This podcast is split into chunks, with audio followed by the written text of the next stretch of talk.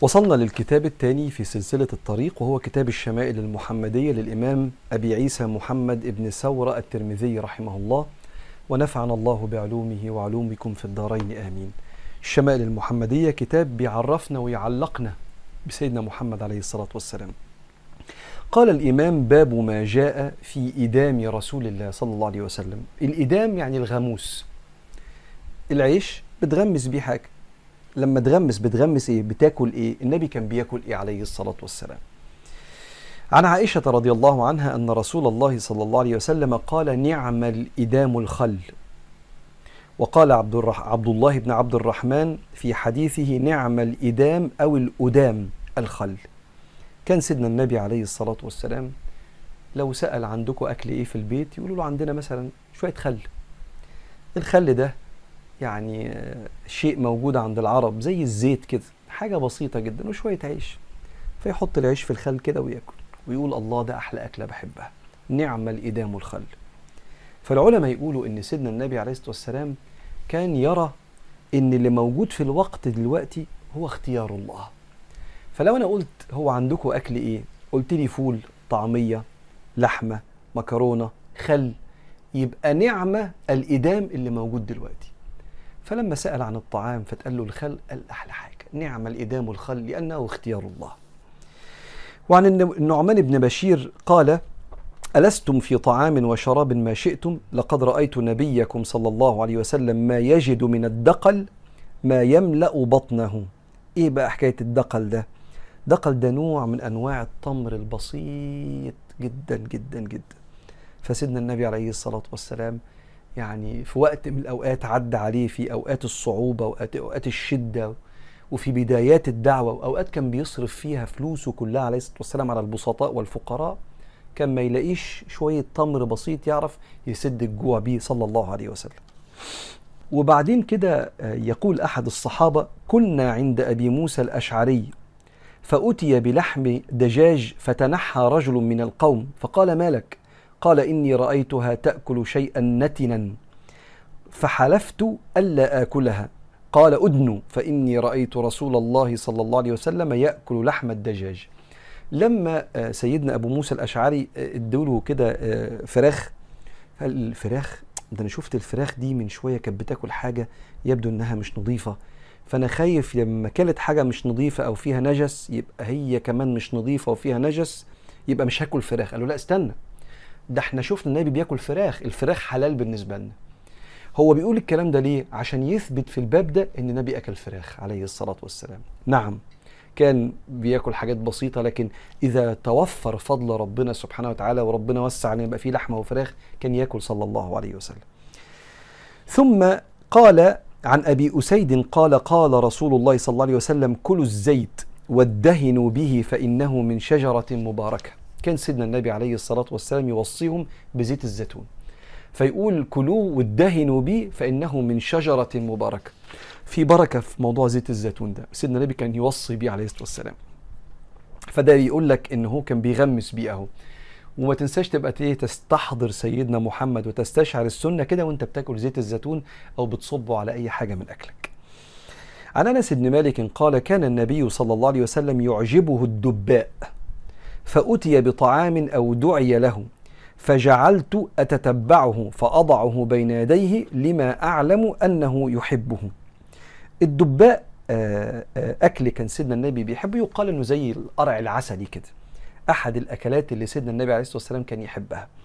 فكان سيدنا أنس بن مالك وهم معزومين على أكل كده معين كان يدور في جوه الطبق أو جوه الحلة اللي محطوطة أو الصينية فين الدباء؟ ويزيحه يحطه قدام سيدنا النبي عشان النبي كان بياكل من قدامه. يا بني سمي الله وكل بيمينك وكل مما يليك. فيحط له عشان لما يغمس من قدامه يلاقي الدباء اللي بيحبه ده.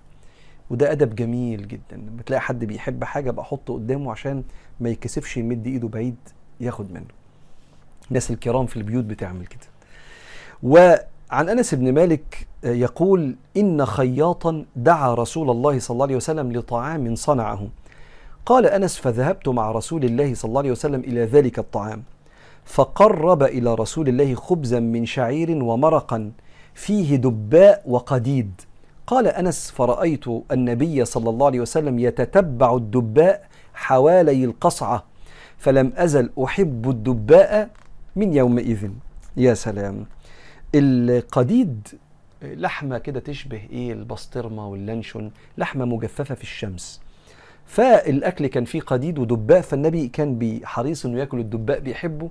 ففضلت أنا سيدنا أنس بيقول كده فضلت أنا أي أكلة فيها دباء أدور عليه عشان أكله زي ما النبي كان بيحبه صلى الله عليه وآله وسلم.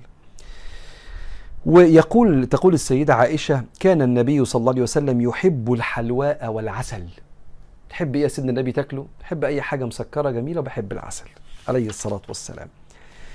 فتنساش زي ما أقول لك تستحضر النبي وتاخد النية كده وأنت بتاكل الأكلات دي إن أنا بقلد النبي بستني بسنة النبي عليه الصلاة والسلام. وبعدين سيدنا ابن جريج بيقول أخبرني محمد بن يوسف أن عطاء بن يسار أخبره أن أم سلمة أن أم سلمة أخبرته أنها قربت إلى رسول الله صلى الله عليه وسلم جنبا مشويا فأكل منه ثم قام إلى الصلاة وما توضأ. أكل النبي عليه الصلاة والسلام لحمة مشوية وما توضاش. وده بيثبتوا بيها إن النبي أكل لحمة وبيثبتوا بيها إن إحنا مش بنتوضى لما ناكل حاجة مشوية لأن كان في بعض الكلام عند العلماء إن إحنا بنتوضى لو كلنا حاجة مستها النار يعني دخلت النار. فقالوا لا ده النبي أكل حاجة مشوية يعني كانت في النار وما اتوضاش بعد كده. لا ينقض الوضوء يعني. وطبعا متجابة الحديث ده أو الموقف ده هنا لأن إحنا بنتكلم النبي أكل إيه عليه الصلاة والسلام؟ باب ما جاء في إدام النبي كان بيغمس يأكل إيه؟ صلى الله عليه وسلم. ثم بعد ذلك عن أبي هريرة رضي الله عنه قال اتي النبي صلى الله عليه وسلم بلحم بلحم فرفع إليه الذراع وكانت تعجبه فنهش منها. الذراع أنت عندك المعزة عندها رجلين قدام ورجلين ورا. الرجلين اللي قدام دول اسمهم الذراع. فكان النبي يحب لحم الذراع صلى الله عليه وسلم فحد له اتفضل فنهش منها صلى الله عليه وسلم. وكان النبي كما يقول سيدنا مسعود عن سعيد بن عياض عن مسعود قال كان النبي صلى الله عليه وسلم يعجبه الذراع. قال وسم في الذراع. وكان يرى أن اليهود سموه. آه كان يحب الذراع ولما الست اليهودية دعت النبي للشاه حطت له السم في الذراع. عشان هو هي كانت عارفة إنه بيحب الذراع. صلى الله عليه وسلم لو أنتوا تفتكروا فقالت الشاه ودي كانت معجزة يعني إن أنا مسمومة فوضع النبي صلى الله عليه وسلم الأكل. قال عن أم هانئ قالت دخل علي النبي صلى الله عليه وسلم فقال أعندك شيء؟ فقلت لا إلا خبزا يابس وخل. قال هاتي ما أفقر بيت من أدم فيه الخل. كان في فتح مكة صلى الله عليه وسلم 460 ولا 470 كيلو ولا أكتر كمان. جاي من المدينة لمكة. ولما دخل مكة الناس أسلمت على إيديه وطاف حوالين الكعبة وهدم 360 صنم. موضوع كبير قوي. ومش جاي مسافر بالطيارة ده مسافر على جمل عمال يتحرك بيه كده ما يقرب من 500 كيلو. فبعد ما راح عند بنت عمه لأن بيته كان اتاخد في مكة. عندك حاجة يا بنت عمي؟ قالت له ما عندناش أي حاجة. شوية خل وشويه عيش يابس ناشف كده. ياكل ما افتقر بيت فيه خل. حلو قوي. شوف سيدنا النبي لما يمدح الطعام ويتكلم كلام جميل يجبر بخاطر أصحاب البيت وهو فعلا شايفه أحلى حاجة لأنه اختيار ربنا سبحانه وتعالى. آه نقف هنا ونكمل المرة الجاية إن شاء الله أكل النبي صلى الله عليه وآله وسلم في كتاب الشمائل المحمدية.